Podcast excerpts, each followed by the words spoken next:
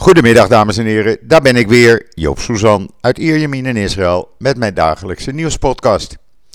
Eerst even, even het weer, want het is een beetje raar weer vandaag. Eh, in de ochtend hadden we wat motregen, ja het was niet noemenswaardig, je kon gewoon er tussen de druppels doorlopen zeg maar. Maar dat bleef maar doorgaan en eh, koud is het niet, het is 31 graden. Er is nu een flauw zonnetje. Uh, ja, een beetje raar weer. Morgen wordt het weer uh, normaal voor de tijd van het jaar. De komende dagen ziet dat er ook naar uit. Pas volgende week gaat er iets veranderen, maar voornamelijk in de nachten die kouder worden. Maar ja, uh, een beetje regen, een beetje motregen, een paar druppels. Ach, we gaan er weer aan wennen, zullen we maar zeggen. En dan het nieuws in Israël. Nou, dat begon al vanmorgen vroeg met alle kranten die openden dat een Ierse auteur, ene mevrouw Sally Rooney, niet wil dat haar boeken in het Hebreeuws worden vertaald omdat ze Israël boycott. Nou heb ik nog nooit van deze mevrouw Sally Rooney gehoord. En ik ben ook helemaal niet nieuwsgierig naar haar boeken. Maar goed, als zij Israël boycott, nou dan gaan we haar boycotten. Dus geen boeken van mevrouw Sally Rooney. Ze bekijkt het maar. En dan, uh, laten we maar beginnen met de coronabesmettingen. Nou, dat uh, gaat nog steeds goed. Er liggen nu nog slechts 617 mensen in het ziekenhuis, althans om middernacht afgelopen nacht. Er waren gisteren ruim 122.000 mensen getest, 2323 waren positief. Dat is 2%, dus dat blijft ongeveer op hetzelfde niveau staan. Het aantal actieve patiënten staat nu op 25.127, dus dat gaat ook goed. Daalt allemaal lekker. In de quarantainehotels ook minder mensen, 56. Uh, ik zei het al, 617 patiënten in de ziekenhuizen. Dat zijn er 21 minder dan op zondag.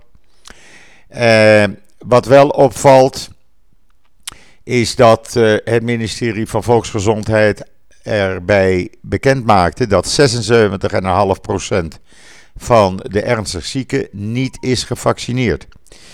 Een van die patiënten is een uh, niet gevaccineerde teenager tussen de 16 en 19 jaar oud. En verder liggen er 15 patiënten in de leeftijd van 20 tot 29 jaar in het ziekenhuis. Daarvan zijn er 12 niet gevaccineerd. Twee daarvan kregen zes, meer dan zes maanden geleden uh, hun laatste tweede vaccin. En één heeft zijn tweede vaccin minder dan zes maanden geleden gekregen. Dan liggen er nog 25 patiënten tussen de 30 en 39 jaar, waarvan de 24 niet zijn gevaccineerd. En de, andere, de ene andere patiënt die wel is gevaccineerd, kreeg zijn vaccinatie meer dan zes maanden geleden. Het blijkt ook dat van de ernstig zieke patiënten tussen de 50 en 79 jaar uh, zijn er 190 niet gevaccineerd. 29 kregen twee uh, vaccinaties de laatste zes maanden, ruim zes maanden geleden. En 45 hebben de laatste vaccinatie minder dan zes maanden geleden gehad. Het blijkt dus overduidelijk: niet vaccineren, dan krijg je COVID. anders kan ik het niet, simpeler kan ik het niet zeggen. En dat blijkt uit de gegevens hier in Israël elke dag opnieuw. Het aantal patiënten daalt. Eh, de coronavirus zei wel, het mag dan wel dalen. En we komen uit die vierde golf met een week, twee weken maximaal. Maar de restricties blijven zoals het uh, mondkapje dragen in alle publieke ruimte en het openbaar vervoer. Uh, en op scholen natuurlijk. Nou, zolang je je daaraan houdt, ach, ik vind het geen belemmering. En dan hebben we een nieuwe baas van de Shin Bet, de Israëlische Binnenlandse Veiligheidsdienst. Zijn naam en foto zijn nu bekend, staat op israelnieuws.nl en hij heet Ronan Bar. Hij was waarnemend uh, baas en wordt dus nu vanaf komende donderdag 14 oktober de grote baas van de Shin Bet. Hij is 55 jaar, vader van drie, heeft een bachelor in politieke wetenschappen en filosofie van de Universiteit van Tel Aviv en heeft een master in bestuurskunde van de Universiteit van Harvard. Dan weten we dat ook weer.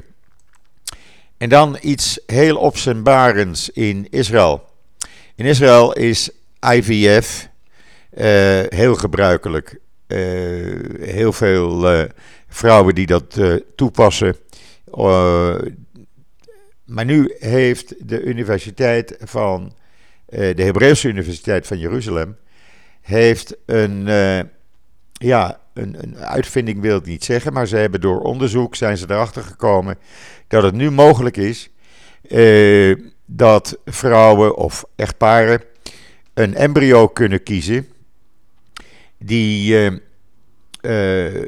gescreend is op zeldzame genetische afwijkingen, zoals Tay-slijmziekte of de ziekte van Tay-Sachs. Uh, en ze kunnen ze ook nu laten screenen op genetische risicofactoren voor ziekten zoals kanker, diabetes, hartaandoeningen, psychiatrische stoornissen, eh, zoals eh, schizofrenie en al dat soort dingen.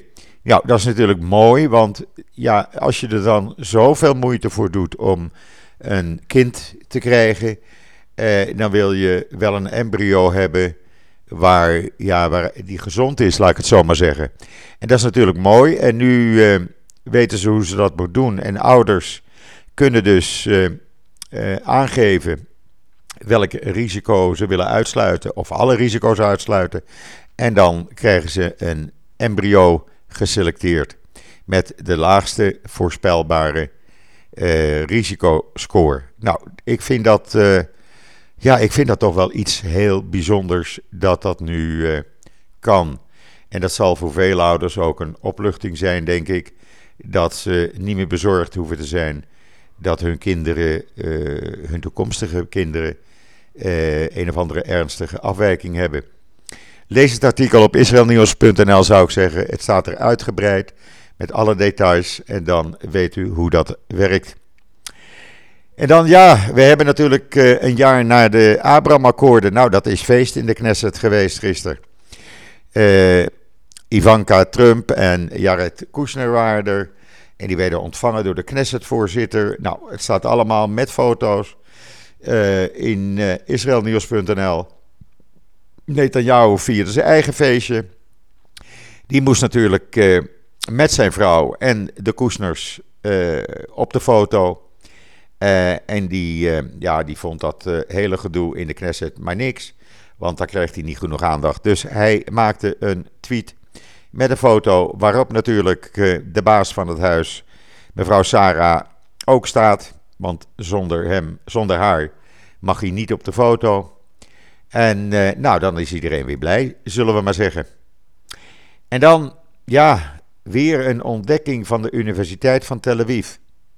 Die is al gepubliceerd in het tijdschrift van de American Association voor Kankeronderzoek. En uh, het zijn witte bloedcellen die kunnen worden gebruikt om de immunotherapie tegen kanker te stimuleren. Kijk, dat gaat een heleboel mensen helpen. Ze weten precies nu hoe ze dat moeten doen. Dat is een heel lang, moeilijk onderzoek geweest. Uh, ik heb het hele verhaal uh, via persbericht uitgeschreven voor u op israelnieuws.nl. En dat zou dan in Nederland mogelijk ook kunnen worden gedaan, want het gaat dus mensen met kanker, die uh, vreselijke ziekte, die, uh, ja, die kunnen dan geholpen worden.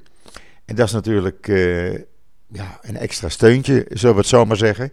En zo stapje bij stapje uh, komen er steeds meer uh, geneeswijzen om deze uh, rotziekte tegen te houden. Ik vind dat iets heel bijzonders dat ze dat hier in Israël op de Universiteit van Tel Aviv hebben uitgevonden. En dan morgen is het Nationale Aliyah-dag, oftewel de dag van de emigratie. Dat wordt altijd gevierd in Israël. En uh, ja, dan krijg je allerlei cijfers toegestuurd. En het blijkt dat de immigratie naar Israël dit jaar, op dit moment, al 31% hoger is dan in 2020. Terwijl verleden jaar, ondanks de COVID-pandemie, de Aliyah, de immigratie naar Israël, toch gewoon doorging. Daar werden namelijk uitzonderingen voor gemaakt. Uh, het is nog niet zo hoog als 2019, toen er ongeveer 34.000 nieuwe immigranten, immigranten in Israël arriveerden. Maar tot nu toe zijn er bijna 16.000 mensen naar Israël gekomen om hier hun toekomst op te gaan bouwen. Even een slokje water, sorry. En ja, dat is natuurlijk hartstikke mooi.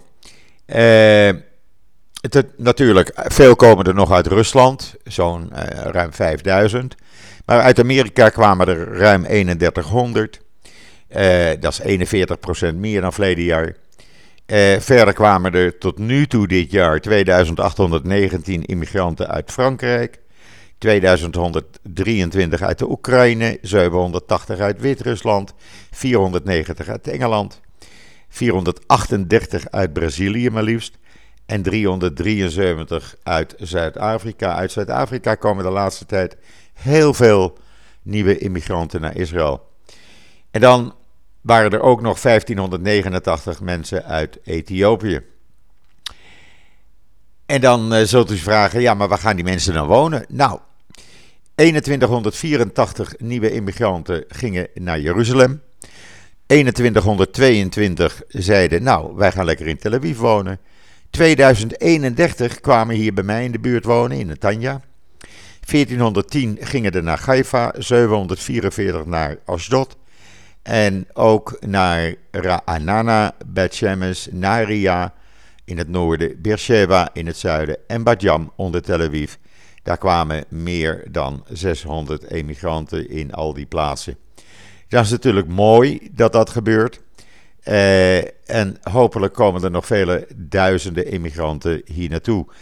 Uh, premier Bennett heeft gisteren in een toespraak aangekondigd dat zijn doelstelling is om uh, in de komende tien jaar 500.000 immigranten uit Amerika en Europa, West-Europa, naar Israël te halen. Of dat gaat lukken, ik weet het niet. Wat ik wel merk en hoor ook van kennissen en vrienden uit Nederland, dat er steeds meer Nederlanders ook toch bezig zijn hun koffers te pakken om in Israël uh, hun toekomst verder op te bouwen.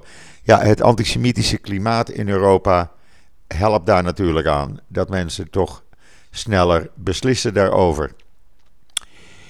En dan uh, hebben ze hier iets nieuws gedaan. Ze hebben een uh, index gepubliceerd voor elektriciteitsverbruik in gemeenten om iedereen meer bewust te maken van het energiegebruik. Nou, dan krijg je dus een hele lijst. Eh, daar blijkt dus bijvoorbeeld uit dat in dat hele chique Savion, dat ligt hier uh, uh, net boven Tel Aviv, uh, ligt een paar kilometer ten zuiden van mij, waar ik woon. en dat is zeg maar Savion, ja, hoe moet je dat zeggen? Het aardenhout, Bloemendaal, aardenhout van Israël. Daar werd maar liefst 524 kilowattuur per persoon verbruikt. Eh, terwijl in het uh, Noord, in Noord-Israël gelegen Arabische stadje Yadaidi Makker uh, slechts 48 kilowattuur per hoofd van de bevolking werd gebruikt. Maar er zijn ook andere plaatsen. Uh, opvallend is twee nederzettingen, Kedumim en Karnei Shomron, net over de Groene Lijn die verbruikte toch 475 kilowatt per uur. En het uh, stadje Smarjau, wat weer dicht bij Savion ligt, daar werd 443 kilowattuur uh, verbruikt. Nou, heel opvallend dat uh, ja, in, Engels, in, in, gemeentes waar veel Engels sprekende inwoners zijn, daar ligt het uh, elektriciteitsverbruik weer heel anders als in steden waar weinig Engels sprekende mensen wonen. Daar ligt het wat hoger. En de Engels sprekende bevolking is toch wat meer milieubewust, zullen we maar zeggen. U kunt alle details lezen natuurlijk op israelnieuws.nl.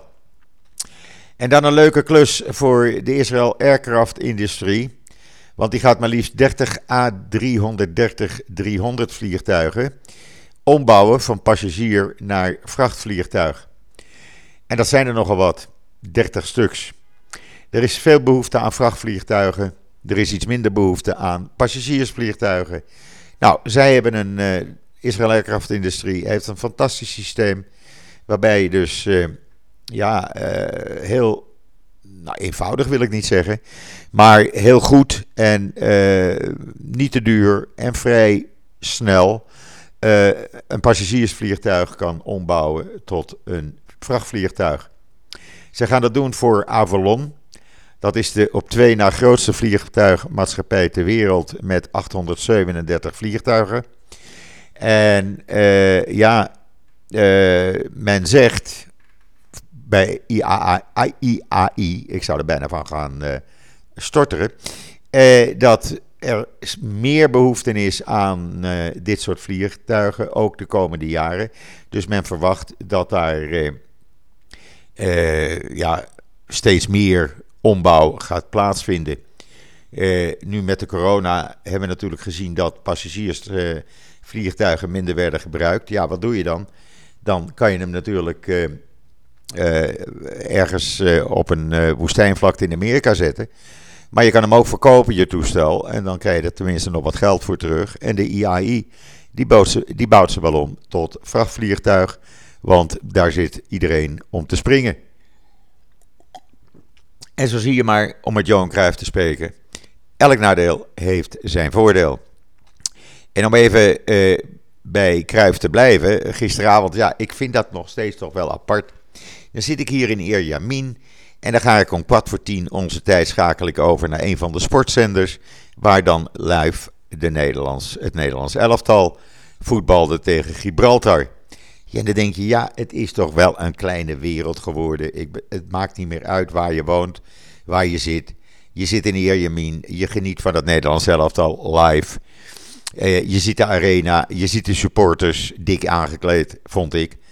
En ja, dat blijft toch altijd wel weer een bijzonder dingetje. Alhoewel, ja, eh, ik doe het altijd, want Ajax wordt hier uitgezonden live. Feyenoord, PSV, dat soort wedstrijden krijgen we vaak live te zien. En die zie ik, uh, probeer ik zoveel mogelijk te zien. Dat hangt even af van het tijdstip. Maar dat is toch wel leuk. En dan hebben we op zondagavond een soort studio sport, zeg maar. Eh, Nederlandse divisie, eh, eredivisie is dan eh, een van de divisies die hier in samenvattingen worden uitgezonden. Naast een heleboel eh, eh, voetbaldivisies uit andere landen. De meeste belangrijke Europese landen die voetbalcompetitie kunnen we gewoon volgen. Blijf leuk en het maakt dus niet meer uit waar je woont of waar je zit. Goed, dat brengt mij tot het einde van deze podcast voor vandaag. Het weer knapt op. Er is een flauw zonnetje. Dat wordt eigenlijk wel wat sterker. Maar dat wordt wel lekker. En vannacht is het niet eens zo koud, want het blijft 26 graden, zei men. Dus we zullen het zien wat het gaat doen. Het blijft uh, allemaal uh, afwachten. En weersvoorspellingen hier kloppen nooit, dus je kan beter met je vingertje in de lucht gaan staan en zeggen: Oké, dit wordt het weer. Nogmaals, een hele fijne voortzetting van deze dinsdag, de 12e oktober, toegewenst. Ik ben er morgen weer en zeg zoals altijd: tot ziens, tot morgen.